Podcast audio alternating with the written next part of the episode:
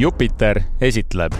Planeet Hollywood stardib taas, et tuua teieni kõige kuumemad filmid, kõige kuumemad uudised ja muidugi üldse kõik, mis filmimaailma juurde käib. mina olen Andrea, minuga on muidugi siin alati kaasa mõtlemas, kaasa võitlemas Richard Erik Järvi tere minu poolt, kui tihti sa seda lööklauset peeglis harjutad? peeglis ei olegi seda harjutanud, aga peaks, sellepärast et minu meelest neid eh, lahedaid tiitleid teistele öelda on eh, palju parem ja hea podcast vist on ikka see, kus tegelikult väikene tüliõun on ka sisse ehitatud. Eh, täna räägime muideks reality tes ja reality test ja seal on ka alati see tüliõun sisse ehitatud. räägime veel Gran Turismo uuest filmist, millest veel räägime? Võtame uudised ette, räägime siin veidi suitsiidisalgast, räägime Star trackist mm. -hmm. mis veel? ja siis vaatame ka seda, et eh, mõned näitlejad on tuntud selle poolest, et nad teevad meetodnäitlemist. millised on need näitlejad, kes seda veel proovinud on ja Sina? no mina tahaks, tead, ma olen mõelnud, et kui keegi pakuks nüüd rolli filmis, okei okay,, arusaadavalt peaosa ei saa, saad mingi väikse kõrvalosa, ma prooviks keegi ütleb, Andri, võta kümme kilo alla, ma oleks, et äh, jah, ma olen nõus sellega, nii et äh, vaatame, kes on need näitlejad ära ja ka Spider-naine on valitud meil, aga see on väike sellise tärniga, et siis räägime sellest lähemalt. ja loomulikult kõige lõpus anname ka Jupiteri soovituse, meil on üks väga äge soovitus selleks korraks, nii et olge, olge lainel ja kuulake meid lõpuni. aga väike soojendusküsimus ka meile siia no, on see, et eh, milline on mõni selline komöödiafilm olnud, mis on sind südamest naerma ajanud ja, ja vaata, minu meelest komöödiafilmidega lihtsalt see praegu, et eh, neid häid mis kogu aeg naerutaks, mis oleks ainult täis komöödiat, võib-olla lollikomöödiat, minu meelest ei ole, võib-olla ma olen vanaks jäänud. Jah, neid on raskem teha, sest eh, nii palju teemasid, mida ei saa puudutada enam, aga kui ma peaks mõtlema, no esimene, mis mul kohe pähe tuleb, on Hangover ehk Poomaka film, esimene osa ma arvan, et see on siiamaani üks läbi aegade parimaid komöödiafilme. aga teine on veidi hilisem, selline film nagu Spy, spioon eesti keeles oh, ja peaosas Melissa McCarthy, Jason Statham tegi seal kaasa. minu arust see oli ülimalt naljakas, see oli ka muidugi action, vaata veidi ikka action komöödia, et seal on nagu ühte ja teist, aga seal olid tõesti no nii naljakad kohad, et äh, no ma ikka naersin kõva häälega kinos, ma mäletan. nii et tasub uuesti vaadata. minul on kindlasti läbi aegade lemmikum on Good Boys, kaks tuhat üheksateist aasta välja tulnud ah,, eestikeelne tõlge vist Pai poisid. no lugu, äh, lugu on selline, kus siis noored kutid äh, avastavad natukene elu, seal on sellist täiskasvanute slängi noorte suust ja need lapsstaarid näitlevad seal nii hästi välja, et kõik, mis nad ütlevad, puhas kuld ja see on niisugune uus versioon nagu Superbadile natuke, veidi Natukene. seda tüüpi huumorit. kuidas mulle Superbad kohe meelde ei tulnud? see on ilmselge vastus. Superbad on ideaalne näide sellest, kuidas millesuguseid nalju minu arust tänapäeval ei saa teha. ja muideks kriitikud, äh, okei okay,, need ei olnud kriitikud, need olid eksperdid, nad võtsid kõikidest platvormidest kõik hinnangud, nad panid ka mingid märksõnad otsingusse, näiteks naljakas äh,, nii edasi, nii edasi ja nad proovisid leida, mis on kõige naljakam film läbi aegade ja muideks Superbad äh, väidetavalt siis äh, nende hinnangul on kõige kõige naljakam film läbi aegade no ma saan täiesti aru, miks. see on siiamaani lõbus vaatamine. noor Jonah Hill, Michael Cera seal isegi Seth Rogen teeb kaasa äh,, Bill, issand mul, Bill Hader ja, ja kõik see paremat veel äh, kas äh, tutvustad, Andri, meil on midagi täiesti uut seekord? ja me mõtlesime, et äh, selle jaoks, et harida ennast üksteist ja harida ka natuke teid, siis selline lühirubriik, kes teab, see teab ja see siis keskendub ühele, ühele sellisele nädala faktile ja teadmisele ja ausalt öeldes ise ka kõike ei tea. ning äh, nädala fakt sellel nädalal ongi siis see, et kuna on esimene kino avatud maailmas, kas oskad pakkuda? Tegelikult ei tea. ei mäleta oota, oota, oota, kui ma pean pakkuma, esimene kino. no ütleme, et ma pakun äh.... Ma, ma mõtlen ka selle all seda, kus saab järjepidevalt siis käia, et ja, ja. Eh, varasemalt oli ka selliseid avalikke võib-olla noh, screening on võib-olla vale öelda, aga avalikke näitamisi, avalikke asju, aga kuna avati siis esimene kino? ma pakun tuhat üheksasada kümme väga hästi pakutud, aasta oli siis tuhat üheksasada viis, see on Pennsylvanias, Pittsburghis ja John P Harris äh, siis selle äh, avas ja, ja näitaski siis äh, esimesi asju ka, mida üldse näidata oli, ega see valik ju väga-väga suur ei olnud. üks esimesi filme on üldse see, et rong, rongi möödasõit siis. sadama või see, mitte sadamast, peatusest. peatusest ja rahvas jooksis välja sealt sellepärast, et rahvas arvas, et rong sõidab neile otsa, nad polnud midagi kunagi sellist näinud ja ja muidugi siis olid ju filmid, sellel ajal olid äh, mustvalged, täiesti ilma helita. kes tahab rohkem filmi ajaloo kohta teada, siis Babylon, eelmise aasta film, äh, räägib natukene siis sellisest Hollywoodi kuldajastust ja kuidas tekkis heli üldse filmidele ja kuidas ka pilt natukene räägib kas sellest. sa tead, kuidas filmidele, noh, selles mõttes nagu inimesed ei rääkinud heliga, aga millist, kuidas heli või muusikat filmide taustal kasutati? Vist ei teagi, laivis. kinodes olid reaalselt orkestrid ja muusikud kohal, näiteks pianist mängis sulle lihtsalt taustale siukest räpsodit, kui oli no, mingi komöödiafilm. Äh, muideks, minu meelest tehakse kinos seansse. kas ja. Lord of the Ringsi muusikal ei olnud niimoodi, et äh, live äh, siis orkester mängib ja samal ajal saad filmi vaadata, et ma ei kujuta ette, see tundub midagi ülieepilist tahaks see tundub väga äge, eriti Lord of the Rings ja kes tahab veel Lord of the Ringsist kuulda, siis eelmises episoodis me rääkisime Andres Kõpperiga Lord of the Ringsist, nii et kuulake seda osa ka. Aga lähme siis oma esimese niisuguse suurema rubriigi juurde ja võtame ette selle nädala uudised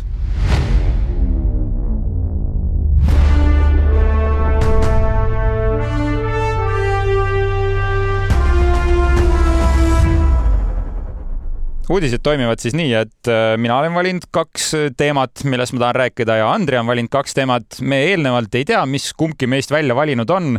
nii et äh, selline mm, peaaegu puusalt tulistamine, aga tegelikult ei ole, eks me oleme ikka oma kodutöö ka ära teinud ja ma teen otsa lahti ja räägingi sellisest teemast nagu David Ayeri suitsiidisalk mm -hmm. ja ähm, sellest on palju räägitud, ma pean natuke niisugust backstory't ka andma, et äh, mida tähendab David Ayeri suitsiidisalk, et kaks tuhat kuusteist. mis üldse suitsiidisalk on? jah, ähm, kaks tuhat kuusteist tuli siis välja DC film äh, The Suicide Squad mm, -hmm. kus siis olid peaosas Margot Robbie, Will Smith, äh, mängisid nad siis DC pahalasi, kes põhimõtteliselt tulid kokku, et teha midagi head, et äh, päästa ja. maailm kuidagi. no see on päris hea analoog, et muidu, kes on pahad, nüüd Just. hakkavad heaks ja, ja see meeldib kõigile jah, ja, ja, ja film tuli välja kahe tuhande kuueteistkümnendal aastal väga tugevate negatiivsete siis arvustustega ja siiamaani see film, no öeldakse, et üks DC halvimaid filme. ja ootused olid ka suured, et äh, nüüd ongi mõistmiseks see, et miks Marvel on nii populaarne olnud, on see, et olid tasujate sari ja tasujad olid siis, tulid kõik head tegelased kokku ja hakkasid võitlema hmm. pahadega,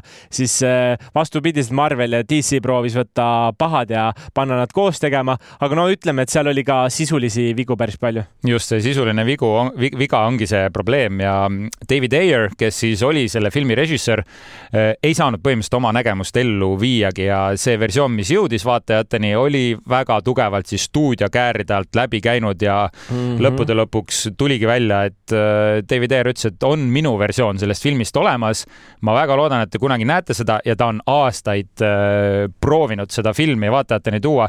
nüüd lõpuks on niisugune lootusekiir sellega, sest et DC eesotsas on äh, selline mees nagu James Gunn ja tema on siis öelnud, et äh, sellel filmil tuleb oma aeg ja lõpuks jõuab see ka vaatajateni.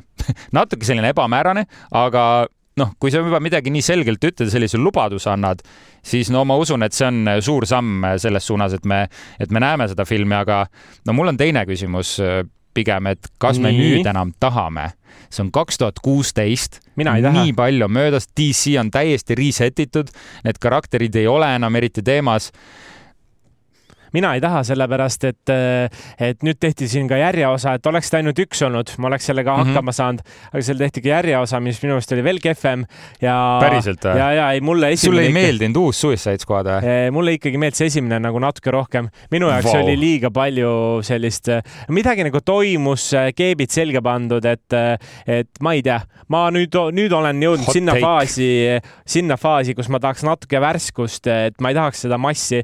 minu pärast tulgu mõlemal mõlemal, mõlemal universumil üks hea superkangelaste film aastas ja ma oleksin väga rahul ma kuulen esimest korda, et kellelegi meeldib see kahe tuhande kuueteistkümnenda aasta Suicide Squad rohkem kui äh, see, mis tuli nüüd kaks või kolm aastat tagasi välja. aga noh, see, sul on oma originaalne arvamus sellest ja ei saa pahaks panna. Andri, mis äh, sina valisid välja? Mina valisin äh, järgmiseks uudiseks sellise asja, et kes on järgmine nais Spider-man, see on nüüd ametlikult kinnitatud, aga, aga enne kui ma lähen selle nime juurde, kes võib-olla kohe palju ei ütle, on see, et, et olgu siis selgituseks, et kui me nüüd oleme rääkinud Marvelist mm -hmm. ja mhm. DC-st, siis ei saa ära unistada ka, unistada, unustada sellist, unistada saame, unistada saame räigelt ja unustada sellist osapoolt nagu Sony, kes ostis siis mingi hetk paarkümmend aastat tagasi ära no mingid õigused, näiteks Venomi, Spider-man'i, no seal on ka Spider-naine ja, ja nii edasi et, et. kogu Spider-verse'i nii-öelda õigused ja, on siis Sonyl. Neil olid mingid teised õigused ka, midagi nad on tagasi müünud, nii edasi ja nii tagasi, aga nüüd nad on jõudnud sinna, et nad on vaikselt hakanud ka laiendama siis seda Sony äh, ämblikmehe universumit. noh, me teame, sa ütlesid Venom, Spider-man, aga nüüd äh, kaks tuhat kakskümmend neli, kuusteist veebruar peaks, no see nüüd ma arvan, lükkub juba edasi vaikselt, äh, aga, aga no järgmine, järgmisel aastal tuleb selline film nagu Madame Web ja seal on Aa. siis äh, selline tegelane nagu Spider Spider-naine? ma ei tea kuigi palju Spider-naisest või kas, kas see on äh, siis selle äh, Spider-versi animatsiooniga seotud või see peaks tulema live action ehk siis äh, ikkagi mängufilmi võtmes? mina sain aru, et see on mängufilmi võtmes. okei okay., ja huvitav, kas nad hakkavad seda siduma ka kuidagi, no võib-olla selle Venomi maailmaga hakkavad siduma, sest äh, selle nii-öelda Tom Hollandi sellega, kuidas ta seotud seal Marveliga veel on, selle maailmaga ilmselt me ei saa seda siduda, aga ma pean tunnistama, mina ei tea Spider-naisest kuigi palju, tavaliselt noh, DC-s on ka igast Batgirlid ja Supergirlid ja alati on need naisversioonid ka olemas, aga Madam Webist ma pean tunnistama, liiga palju ei tea. ta, ta ei olegi olnud nii populaarne tegelane, et tõenäoliselt tahetaksegi tuua siis seda nais-Spider-man ja võib-olla siis Tom Hollandi saab juba ära rääkida mm. -hmm. aga olgu kes siis, siis?, ja ma just tahtsin ka öelda, et oleme siin kõvasti tiisinud, aga et kes see nimi on, siis äh, Julia Carpenteri mis on selle tegelase nimi, äh, mängib siis äh, Sydney Weeni ja teda teame HBO sarjast Euphoria, nii et kui keegi on seda siin viimasel ajal vaadanud, siis äh, seal sarjas ta on üles astunud, astunud jah ja äge näitlejanna, noor tulija, kes on no tegelikult juba siukse näoga, et kui see keegi otsib ta üles nüüd, siis kindlasti tunneb ära. ja no see oleks ilmselt temal sihuke tõesti esimene väga suur projekt siis, millega ta võiks no maailmakuulsaks saada täpselt nii, nii et äh, jääme seda ootama, värsked näod on teretulnud ja neid värskeid nägusid väga palju ei ole, nii et võib-olla Sony teeb midagi uut asja Sydney Weeni White Lotuses mängis väga ebameeldivat äh, karakterit ja nüüd ta hakkab põhimõtteliselt siis no kangelannat mängima. aga miks sa arvad, et ta kangelane on?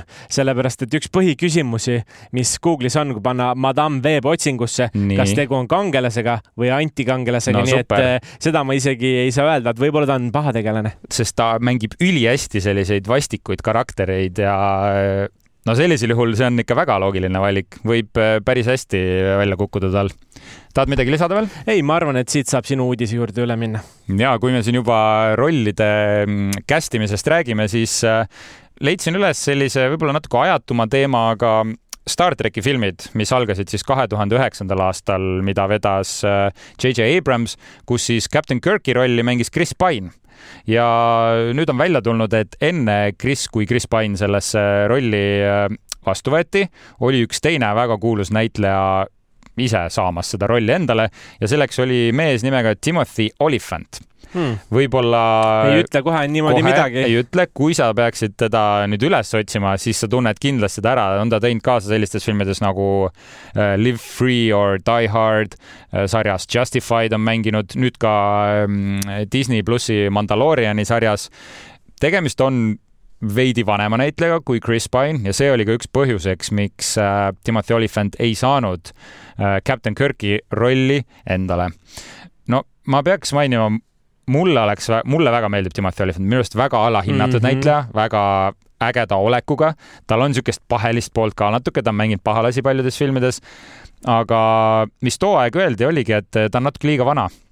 ja selleks, et seda Star tracki frantsiisi siis noh, aastakümneid teha oleks ta ilmselt sellest rollist nagu välja vananenud. väga mõistlik, ma tean, et ei tohi, see ei olegi vanuse järgi diskrimineerimine, aga, aga sa pead, sa pead planeerima enda projekti pikalt ära ja kui sul tegelikult ongi, sa ei saa võtta näiteks Ironmani ka mingit sellisest keskeas meest, sellepärast et kui sa tahad kümme aastat toota seda, siis ta on võib-olla nii vana, et äh, sa pead hakkama seal midagi muutma. nii et äh, arusaadavalt ka uut Supermani ja uusi selliseid kangelasi tahetakse võtta võimalikult noori ja ka noortele võimalust anda, ega rollid maailmas otsa otsa ei ole saanud, minu mm. meelest eh, tehakse väga häid rolle, lihtsalt kui sul on pikk plaan, siis sul on vaja teisi näitlejaid sinna jah, ja kui nüüd mõelda, kui pika vahega on need Star tracki filmid välja tulnud ja praegu on, no võiks öelda niisugune igavene paus käimas, räägitakse küll, et tahetakse edasi viia seda frantsiisi nende samade näitlejatega, aga nüüd Timothy Olyphant oleks nüüd juba, no kui ta oleks alustanud sellise keskealise mehega, siis nüüd ta on juba väga hallipäine mm. -hmm. et äh, ilmselt äh, tõesti tehti, tehti õige otsus, et äh, Chris Pine sinna valiti. aga kui rääkida nüüd näitlejatest ja meetodnäitlejatest täpsemalt, siis äh, see tähendab esiteks seda, et mõned näitlejad võtavad asjad tõsisemalt, nad ei õpi lihtsalt teksti pähe ja nad ei, äh, võib-olla ei harjuta seda teistega, aga nad on otsustanud siis selles rollis ka elada.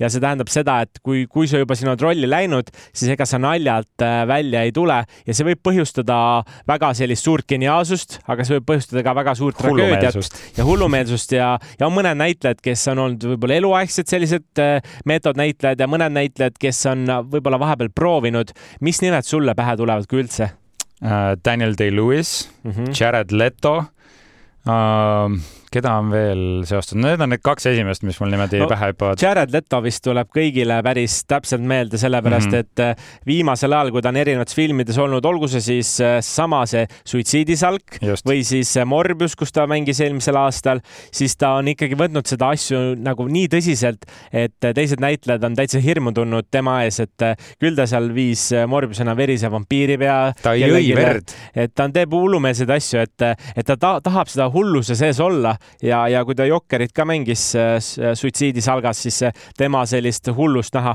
muideks see on võib-olla ka huvitav, et just selle Jokkeri rolli puhul kõik näitlejad on, on ikkagi sisse läinud. Heath Ledger, kes oli ka meetodnäitleja, läks sinna äh, nii-öelda rolli sisse, siis äh, Joaquin Phoenix äh,, kes on nüüd Jokkeri mänginud, tema on ka üks meetodnäitleja.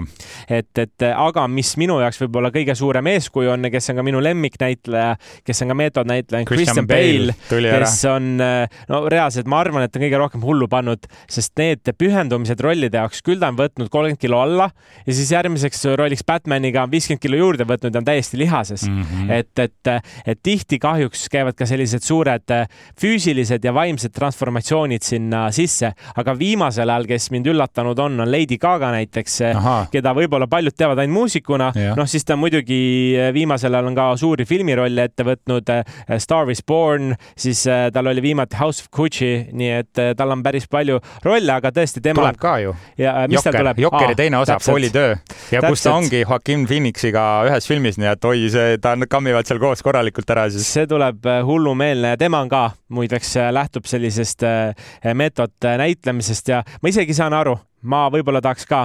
ja viimane, keda ma siit nimekirjast võib-olla välja tooks, on Austin Butler ja Aha, kui tema jah. nimi teile midagi ei ütle, siis ta on see mees, kes mängis Elvist.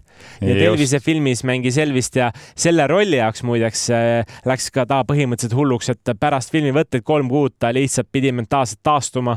et äh, see Elvise roll, keda ta kehastas, oli nii autentne ja ausalt öeldes seda filmi vaadates ma peaks ka tunnistama, et äh, lihtsalt see on tõsi kas sa oled kuulnud äh, Austin Butleri äh, intervjuusid, mis ta on pärast Elvise rolli andnud? et tal on hääl muutunud? ta on, ta räägib ikka veel sellesama aktsendiga mm -hmm. ja selle ülimadala häälega. ta ei saa välja ja sealt. ja ta ei, no talle on väga palju ette heidetud, et nagu mees, lõpeta ära, et mis sa üritad lahe olla nüüd või. Äh, aga otsige üles tema intervjuud, mis ta andis enne Elvist ja mis ta pärast andis, see on, see on ikka, noh, ta ongi mõnda aega oligi täiesti Elvise häälega oma tavaelus ka ja palju on räägitud ka sellest, et äh, mõned näitlejad on väga maha teinud seda meetodnäitlemise meetodit, et noh, kui, kui sa oled, sa oled näitleja, siis sinu töö on ju noh, näidelda, mitte olla see, see ongi ju näitlemise point, sa näitled sa oled keegi, kes sa ei ole. aga no siis sa oled autentsem. no vot, sa oled autentsem, onju, aga siis öeldaksegi, et mingid näitlejad kammivad täiesti segi, lähevad hulluks, hakkavad mingeid imelikke asju tegema. et kas see on siis väärt seda, et nagu kunsti teha tõesti hästi, et nüüd hakata kuidagi teiste arvelt või enda arvelt seda tegema.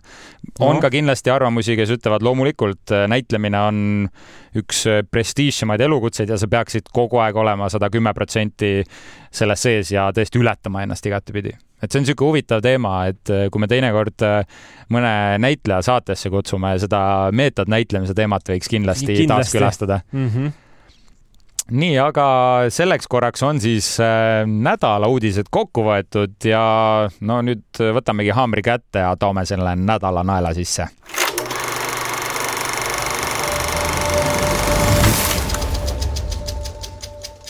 ja nädala naelasid on sellel korral kaks tükki. üks asi, mida me lubasime, natuke rääkida reality sarjadest, viskame pilgu mm, -hmm. mis siin Eestis toimunud on, mis siin lähiajal võib-olla toimunud on, mis toimub näiteks Netflixis ja, ja mis need eh, kogu loogikad ja mõttemaailmad seal taga on, kuidas seda toodetakse ja teine muidugi põhiteema, millest me alustame ka, on Grand Turismo film, mis on selline suurejooneline rallifilm ja võidusõidufilm, äh, põnevus, action, võib ka öelda videomängufilm ja räägib see siis äh, ühest noorest geimerist nimega Jan Mardenborough, kelle suurim unistus on saada autovõidusõitjaks. ta mängib igapäevaselt sõidusimulaatorit Grand Turismot ning äh, ta on maailma parim selles põhimõtteliselt ja ühel hetkel avaneb võimalus kui Nissani turundusjuht tahab teha võistluse, kuhu tulevad kokku maailma parimad Grand Turismo mängijad ja võistlevad, et pääseda siis GT Akadeemiasse ning sealt edasi jõuda juba päris võistlusmaailma. ja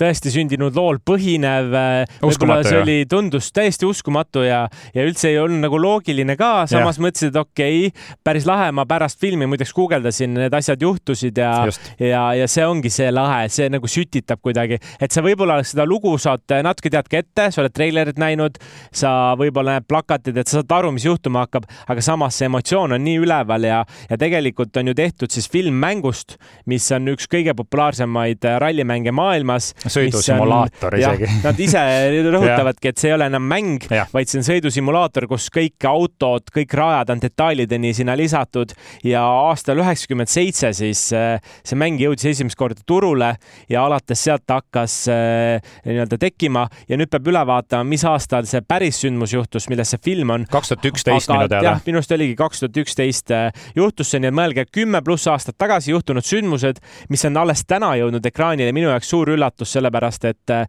see võiks olla ju kõikide mängurite unistus jõuda kuhugi sellega veel järgmisele tasemele jah, mina ei suutnud uskuda, et see on tõesti sündinud lugu ja ma ei saa aru, kuidas sellest ei ole varasemalt äh, rohkem räägitud ja teine küsimus, mis mul tekkis, oli see, et kas nüüd lõpuks oleme saanud äh, videomängufilmi, mis on tõeliselt hea nii palju on räägitud sellest videomängufilmi needusest, et need ei ole väga head filmid, aga. tavaliselt ei olegi, Hitmanile tehti film mm, -hmm. Assassin's Creed, kohutav film, ma ei, praegu ei tule meelde no,. Pokemon oli tegelikult isegi päris no, detektiiv, okay, detektiiv Pikachu. aga noh, sealt ei tulnud midagi nagu edasi rohkem, et äh, ma ütleks küll, et see Grand Turismo sellistest äh, mängufilmidest, mängude pealt tehtud filmidest on kõige parem. kas sa ise oled mänginud Gran Turismot? Äh, ma ei ole mänginud, ma olen okay. mänginud äh, sarnaseid mänge, ma mm -hmm. olen mhm. ise olnud rohkem Xbox'i mees kui Playstationi mees. võib-olla ka, võib-olla ka sellepärast, aga, aga müts maha selle ees ja, ja näitlejad on ka, võib-olla alguses, kui me eelmine nädal ka mõtlesime, et, et kas see on üldse vaatamist nagu väärt, siis äh, tegelikult minu arust Orlando Bloom, väga mm -hmm. lahe, tema on siis Kariibi mere piraatidest meile tuntud. David Harbour, kes on tuntud Stranger Thingsist peamiselt peamiselt, äh, tal on mingeid teisi rolle veel ja siis üks noor näitleja, Archie äh, Matt, kuidas sa hääldad seda? Archie Madekwe.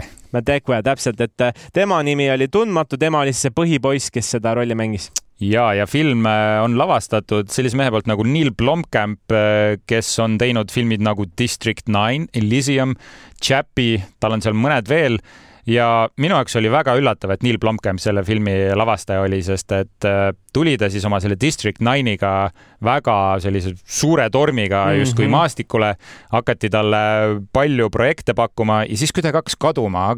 Elysium ei meeldinud nii paljudele enam, Chappie juba ka rohkem.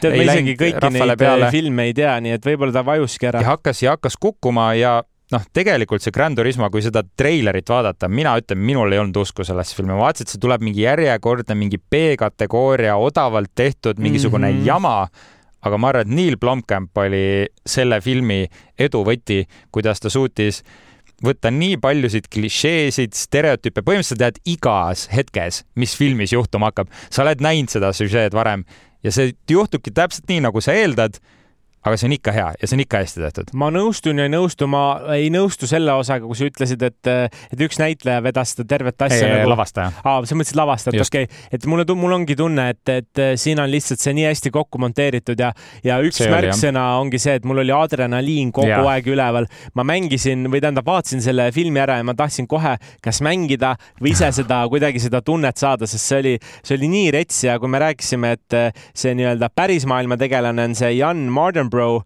siis tema oli ka filmis seal, aga tema ja. siis, äh, tema tegi kõiki kaskadööri trikke näiteks äh, seal. aga kui sa peaksid kolme märksõnaga iseloomustama, mis, mis, mida sa ütleksid selle filmi kohta? tempokas, adrenaliinirohke, lõbus ma arvan, et äh, võtsid üliideaalselt kokku, aga kui sa nüüd vaatad teisele poole, mis sulle väga ei meeldinud või mis oli selline, no ei tea, võib-olla mm -hmm. ei läinud meele järgi, siis mis see on?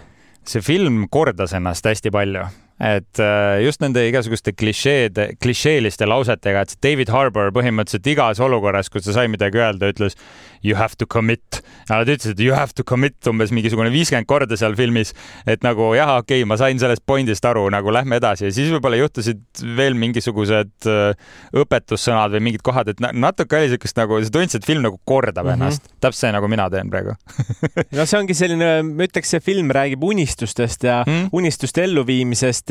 Kuna see on tõesti sündinud lugu, siis lõpp on nagu teada, ehk me saamegi jälgida vaatemänguliselt, mis need sündmused on. seal on üks hästi traagiline sündmus, millest mm -hmm. ei mhm. räägi, aga mis on saanud ka kriitikat, et see üldse sinna pandi.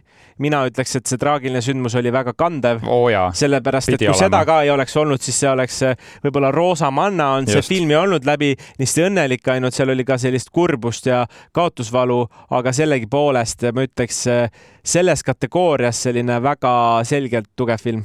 ja, ja sa mainisid õiget asja, just seda vaatemängu, et äh, siin helil ja muusikal ja kõigel sellel on nii kandev roll ka, et äh, sa mainisid seda adrenaliinirohkust ja see, kuidas see sind kaasa kiskus. no need momendid, kui autoroolis see Jan on ja ikka lükkab selle lapatsi põhja, no siis käib ikka külmavärin läbi ja, ja noh, need momendid ja kõik see adrenaliin, ma, ma käisin seda eile viimasel seansil vaatamas ja ma sõitsin pärast autoga koju, sa ei kujuta ette, kuidas ma pidin võitlema iseendaga, et ma kiirust ületaks no,. ma ei ületanud, aga väga raske oli. ja ma ütleks, et see film ei meeldi ainult näiteks inimestele, kellele meeldivad väga autod või on hullud mingi rallimängude fänn või üldse mängude fänn. ma ütleks, et sobib kõigile, kes tahavad saada natukene energiat, inspiratsiooni, seda väga tihti kinost ei saa ja mul elukaaslane käis ka vaatamas ja talle mm -hmm. ka väga meeldis, nii et see ei ole ainult mingi poistefilm, seda võivad kõik vaadata. minu elukaaslane ütles, et ta ei tule seda vaatama, et see tundub poistefilm ma tean, aga ma sellepärast ütlengi, et see tundub poistefilm, aga vot see on nüüd eh, üks film, kus treiler ja plakat võib-olla teevad karuteene, et nad jätavad teistsuguse mulje sellest. jah, see, seal oli palju rohkem seda sisu, kui ma oleks oodanud ja, ja mis üllatav oli veel see, mis raha eest see film tehti mina oleks pakkunud, olles nüüd seda filmi näinud, et see on ikkagi suure eelarvega, mingi sajamilline film. ei olnudki, jah? ei olnud, nelikümmend miljonit, mis on nagu noh, tänapäeval ikka suhteliselt väikse eelarvega film, kui sa mõtled Hollywoodi filmimaastiku peale. ja, aga noh, need võidusõidustseenid seal, no kindlasti oli äh, CGI-d kasutatud, aga oli tunda, et siin on väga palju rõhku just autodele ja kõigele pandud. et äh, ja mis veel huvitav on, et miks ma nagu mainin, et kas on tõesti esimene hea videomängufilm, siis tegelikult, kui sa hakkad mõtlema, siis see ei ole videomängufilm, see on film videomängust, sest see Gran Turismo on justkui nagu komponent seal filmis. et selles filmimaailmas ongi see mäng olemas, see on sama nimega ja nad kasutavad seda mängu ära, et seda tõesti sündinud lugu tegelikult rääkida, et tegelikult ei ole videomängufilm, vaid on tõesti sündinud lugu hoopis. ma arvan, et see toob oma nii-öelda tulud ilusti kotti ära ja see hakkabki vist suuremalt sellel nädalavahetusel, tuleval nädalavahetusel alles eh, maailma kinodes eh, levima, sellepärast et ma vaatasin, et suurt avapauku eh, korraga ei olnud, osadel filmidel on siis niimoodi ka, nii et aga kui anda hinne, siis kolmes kategoorias kindlasti mine, ära kindlasti mine või võib minna, ei pea, siis minu jaoks ta on küll tugev film, aga, aga ma arvan, et see ei ole film, mida kindlasti peab äh, vaatama kinos. ma arvan, et kui ta kunagi hmm. välja tuleb, siis võib vaadata mujal ka. ma lähen jälle sulle vastu teeme, lähme veits sõtta. minu arust see on film, mida ei pea tegelikult üldse vaatama, aga kui sa seda vaatad, siis sa pead seda kinos vaatama sest see võimsus, need automootori helid, kogu see muusika, ma arvan, et seda koduekraanil ma poleks saanud nii head kogemust. ei peagi koduekraanil telefoniga võtad äh, nii-öelda kätte, paned äh, vöö peale, lähed kuhugi nurga taha, paned pedaali, lased lihtsalt seda tossu välja ja saad sama tunde kätte. Lähed nurga taga pedaali vajutama no miks mitte, ikkagi seaduspäraselt. okei okay. ähm nii et jah, see oli siis Gran Turismo film, mis no võib öelda, üllatas nii mõlemat mind kui Andrit ja millest jäi väga positiivne mälestus. teiseks, meil ei olegi võetud film, vaid teema nüüd äh, astumegi Andri klassiruumi ja ekspert räägib meile natuke reality tv-st. ja võib-olla tausta ka nii palju, ega, ega ise ühegi, üheski reality's ma kunagi osalenud ei ole ja, ja pole ka otseselt äh, tootmise juures niimoodi olnud, et äh, kuigi olen võtteplatsidel käinud, olen aida, aidanud turundada alates siis Rannamaja esimestest hooaegadest kuni igast armastusmalevateni välja, nii et ütleme, et selle produktsiooniga kokkupuude nendest eelarve eelarvetest äh, sellest maailmast Eesti maastikul kindlasti, kindlasti päris palju on tehtud. võib-olla mõni inimene veel, kes on saanud neid kõiki turundada, aga pigem see hulk on ikkagi väga-väga väike ja, ja paratamatult tekivad mingid mõtted. ja miks ma sellest rääkida tahtsin, on sellepärast, et Netflixis kogu aeg ikkagi toodetakse neid reality'd peale. meil on mm -hmm. ka mhm. paar aastat olnud, kus igas Eesti suuremas telekanalis on mõni reality, aga kui nüüd ajas tagasi minna siis üldse esimesed realitid olid ERR-i ja ETV peal ja Reisile sinuga aasta no, oli üheksakümne, aasta oli seal üheksakümnendate alguses, nii et eh, ega see reality buum siin Eestis on saanud eh, tegelikult alguse juba ammu-ammu ja ma mäletan neid aegasid. Äh, ja naljakas on mõelda, et mingi reisile sinuga ju noh, sa ei mõtle, et see on äh, reality, see on ikkagi nagu mingisugune noh, nagu saade selles mõttes, mitte, mitte nii väga see reality, millest me oleme nüüd harjunud, et no, inimesed, vallalised inimesed saavad kuskil majas kokku ja joodetakse täis ja siis pannakse lollusi tegema. no täpselt, aga, aga formaat on natuke muutunud, ma lihtsalt toongi välja ajalooliselt ka, et ta on nagu väga huvitav. no mis meil varem veel, veel on olnud? naistevahetus on olnud seal kahe tuhandete alguses, Maamees otsib naist. et eh, ma sisu ei hakkagi võib-olla seletama, aga et lihtsalt saate aru, et eh, kunagi oli ka selline kuldajastu. no siis seal kahekümnendate alguses oli, et mis kahekümnendate alguses, kaks tuhat kümme pluss on olnud sellised saated nagu Äh, abielu esimesest silmapilgust, kus inimesed kohtusid, kohe pidid abielluma, polnud üksteist ei teadnud midagi. et, et äh, päris, päris palju on neid tehtud, prooviabielu näiteks ja, ja armastusmalev ja need on, Rannamäed on pigem nagu viimased nähtused, et, et, et kuhu poole me nagu jõudnud oleme. ma, ma nüüd ütlen ühe lihtsalt lööklause ja see lööklause ongi, et me oleme jõudnud nagu, ma ütleks prügiaja reality tesse, vähemalt Eesti mm. mõttes ja, ja kohe nagu õigustan ka või miks see nii on, et kui me jõuamegi sinna Netflixi Netflixi, siis kui me vaatame neid Netflixi realiteid või üldse, mida maailmas toodetakse, no Netflixis on näiteks viimane, mis just värske hooaeg tuli välja, mis on suht populaarne, Too hot to handle ja, näiteks. isegi olen natuke vaadanud seda. ja, ja Too hot to handle räägib sellest, kuidas siis äh, tulevad noored kokku ja tegelikult nad arvavad, need on selline lahe tutvumissaade, tegelikult nad ei tohi seal ühtegi siivutut asja teha ja need on inimesed, kellel on probleem pühendumisega ja, ja no hästi detailne, hästi äh, selline kvaliteetne, kuskil välismaal tehakse.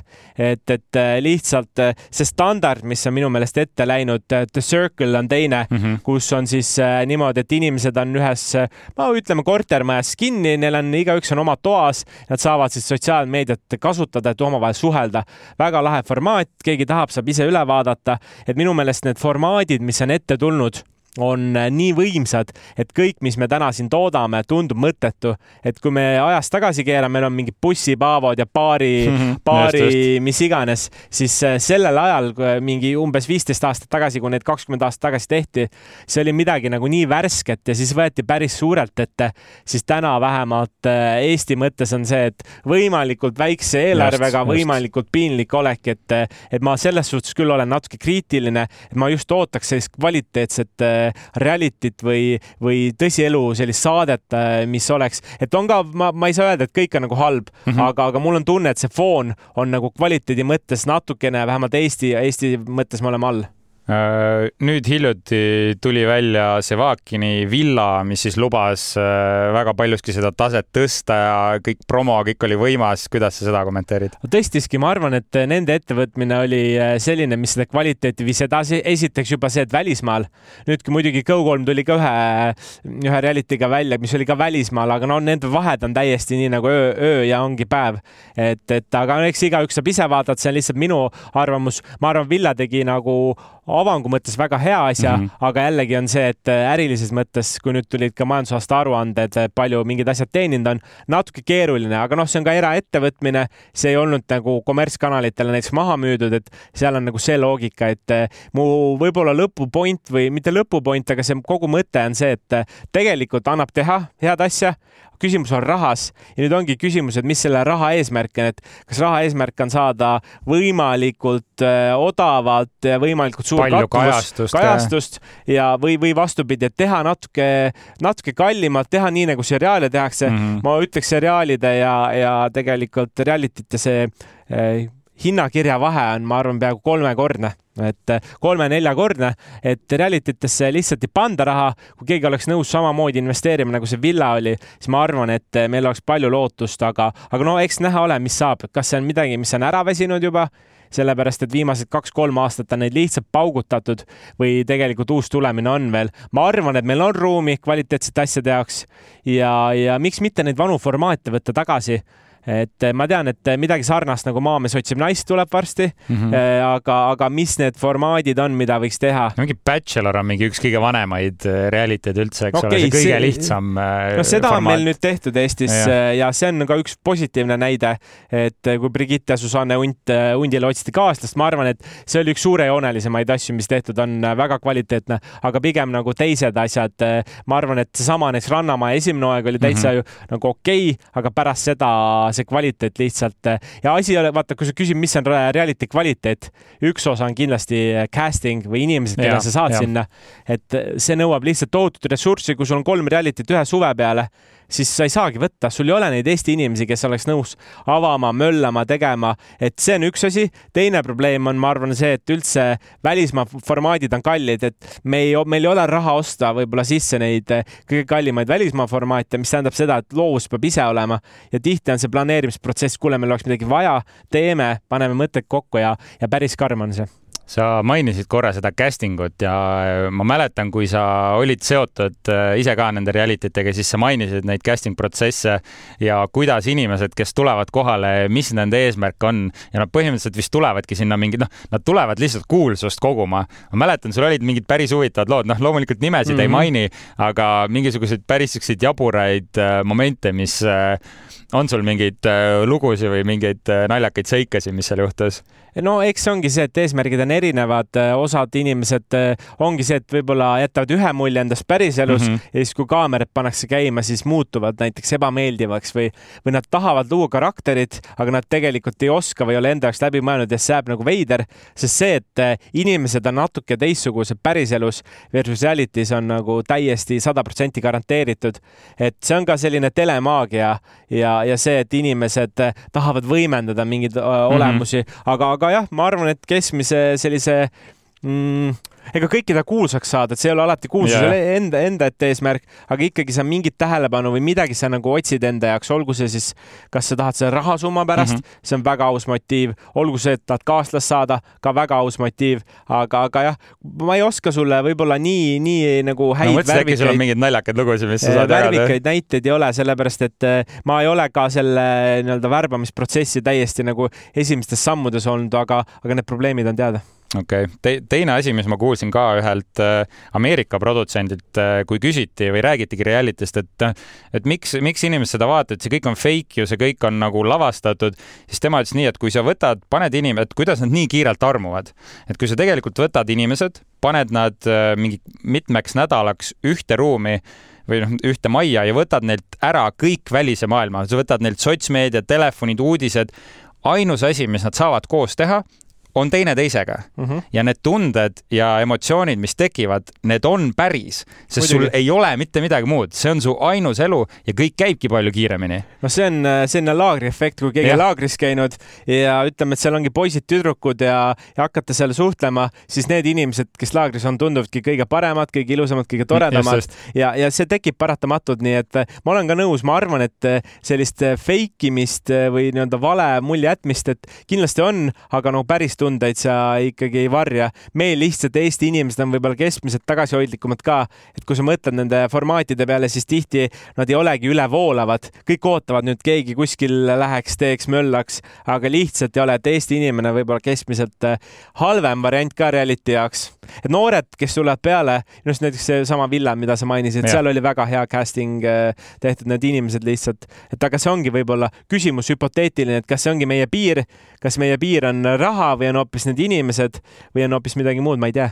kõikide nende asja, asjade kombo ja aga, aga ma loodan, et neid häid reality eid tuleb veel sellepärast, et miks ma sellest täna räägin teemast, see on kõige, need on kõige vaada-, statistiliselt kõige vaadatumad asjad on reality sarjad, et point on see, et kas sulle meeldib või sulle ei meeldi, sa kuuled nendest ikka, sa alati ei oska öelda, aga keegi kuskil nurga taga räägib sellest ja, ja statistiliselt vaadatakse neid asju ikkagi kõige rohkem. see on, see on hea tähelepanek ja just mina, kes ma kindlasti ei ole selle nagu saateformaadi fänn ma ütlen seda, samas ma olen vaadanud mitut erinevat Täpselt. ja Netflixist olen ka neid äh, nüüd siin mingi kuu aega tagasi vaadanud. jah, see ongi, see ongi, see ongi see, et kui äh, poistele meeldivad rallifilmid, siis äh, ikkagi tüdrukutele meeldib ka neid reality'd vaadata, et ma ei taha diskrimineerida, aga kui faktiliselt vaadata, võtta kümme meest, kümme naist, siis naisterahvastele lihtsalt meeldib rohkem ja see on okei okay,, sest tänu sellele saan ka mina rohkem teada, kui minu elukaaslane vaatab.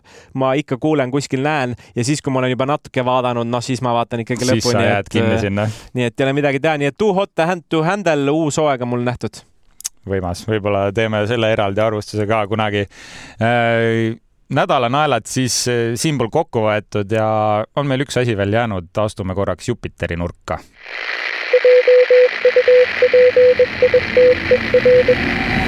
Jupiteri soovitus on mul seekord üksainus, aga selle eest üks pagan hea soovitus see on noortesari, nimega Nordland üheksakümmend üheksa. tegemist on Taani toodanguga ja tegevus, tegevus käibki siis ühes Taani väikeses äärelinnas, kus kolm sõpra, Lukas, Kris ja Alex lähevad peolt koju, kuid ainult kaks neist jõuab kohale. asja hakkabki siis uurima kohalik konstaabel ja tekib siis niisugune inimjaht, võib öelda, sellises väikelinnas kaduma läinud nooruki otsimine. Aga noh, nagu sarja pealkiri ütleb, Nordland üheksakümmend üheksa tegem-, tegevus toimub siis üheksakümnendatel ja väga tugevalt siis nõjatutakse selle kümnendi peale, kus on, kui Stranger Things tegi siis äh, kaheksakümnendate jaoks seda, siis äh, Nordland teeb kõiki neid äh, lugusid, mis sa oled äh, ilmselt oma lapsepõlves kuulnud, äh, riietus, autod mm, -hmm. seal on mhm. isegi stseen, kus nad lähevad videolaenutusse ja seal on igasuguseid memorabiiliad, kõik kohad täis, et ähm, väga selline nostalgiline vaatamine.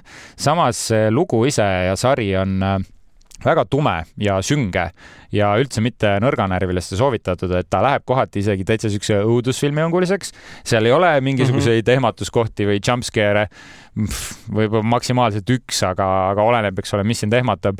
ja kui sa oled Netflixist kunagi vaadanud siukest sarja nagu Dark olen. tead, seal on see ajas reisimine ja kogu see. olen meil... selle ära vaadanud, see on äh, üks tumedamaid, üks raskemaid sarju, mida ma kunagi elus näinud olen. aga äge, eks ole? ja see on äh, väga lahe ja, ja siis Nordland, ma ütleks, on oma sellelt atmosfäärilt hästi sarnane, võta lihtsalt ära see üleloomulik pool ehk siis see ajas reisimine, vaid tegemist on lihtsalt sellise krimilooga.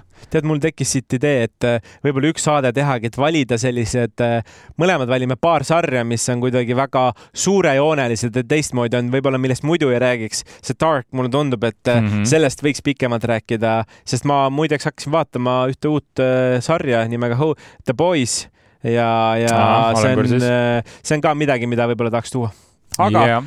praegu saab siis vaadata Jupiteri pealt hoopis seda sarja. just, et äh, kui Dark meeldis, siis kindlasti ma usun, et Nordland meeldib ja mm, jah, ütleks, et ta on küll noortesari, kindlasti sobib äh, igale vanusele ka vaatamiseks ja äh, selline Jupiteri garantii soovituse, soovitus, et äh, selles sarjas kindlasti ei pettu. Ja nüüd olemegi jõudnud oma saate lõpuosasse ja mis meil siin lõpus meeldib teha, on loomulikult tiisida järgmist mm -hmm. nädalat. kas sa vaatasid, vaatasid, mis meil tulemas on? ja Sinine põrnikas on mm -hmm. üks film, mis siis on ka superkangelaste film. jällegi minu ootus on üsna madal. ja, äh, ja, ja selles suhtes probleemi ei ole, aga lihtsalt kuna see on selline uus tegelane, uus kuju, siis ja väidetavalt siis ta on ka uues selles äh, uues DC maailmas äkki et alguses teda küll planeeriti sinna vanasse maailma, aga nüüd on äh, ikkagi otsustatud, võiks sinna uude sobida. Kas meeldib meile või mitte, no sellest me saame rääkida juba järgmine nädal. Ja, ja üks teine film ka, millest, äh, mida ma tahaks väga vaatama jõuda, Last Voyage of the Demeter, Demet-, Demeteri viimane merereis ja see peaks rääkima siis niisuguse Dracula loo, aga hästi sellises kitsas kohas, et nagu vanaaegse laeva pardal. see plakat oli jube huvitav, et. Äh, vaatasin seda plakatit, ma treilerit olen ka varem näinud mm, -hmm. aga mul oli vahepeal meelest ära läinud, vaatasin plakatit, mõtlesin, et oo jumala lahe, tahaks minna, nii et äh, need kaks filmi teieni toome, praegu on uut kraami tulemas äh, siin veel järgmistel nädalatel ka, nii et äh, vaatame need kaks filmi ära, toome teieni ja meil tekkis selline üks lisamõte ka, et tasub välja lihtsalt öelda, siis me oleme eetris seda ka maha lubanud, on Nii. see, et mõni nädal on näiteks selline film või on paar ah, sellist C-kategooria filmi, mida muidu vaatama ei läheks, et me tõmbame siin loosi omavahel ja siis üks vaatab ühe ära, teine teise ära, nii et siis saab teha. see nädal õnneks on on filme küll, mida vaadata, nii et eh, seda saab mõni teine kord teha. ja, ja järgmine nädal eh, annan niisuguse võib-olla tärniga hoiatuse, et võib-olla kuulete järgmist osa siis kolmapäeva sellisel õhtupoolikul, et kui meil tavaliselt kolmapäeva hommikuti jõuab uus osa eh, kuulajateni, siis ärge muretsege, me oleme ikka teiega, aga lihtsalt võib-olla õhtuses pooles ja selleks korraks kõik, aitäh, Andre, sinuga oli väga äge reality'st rääkida ja üldse siin filmi mula ajada. Ja, ja oleme tagasi järgmine nädal, aitäh, tšau. tšau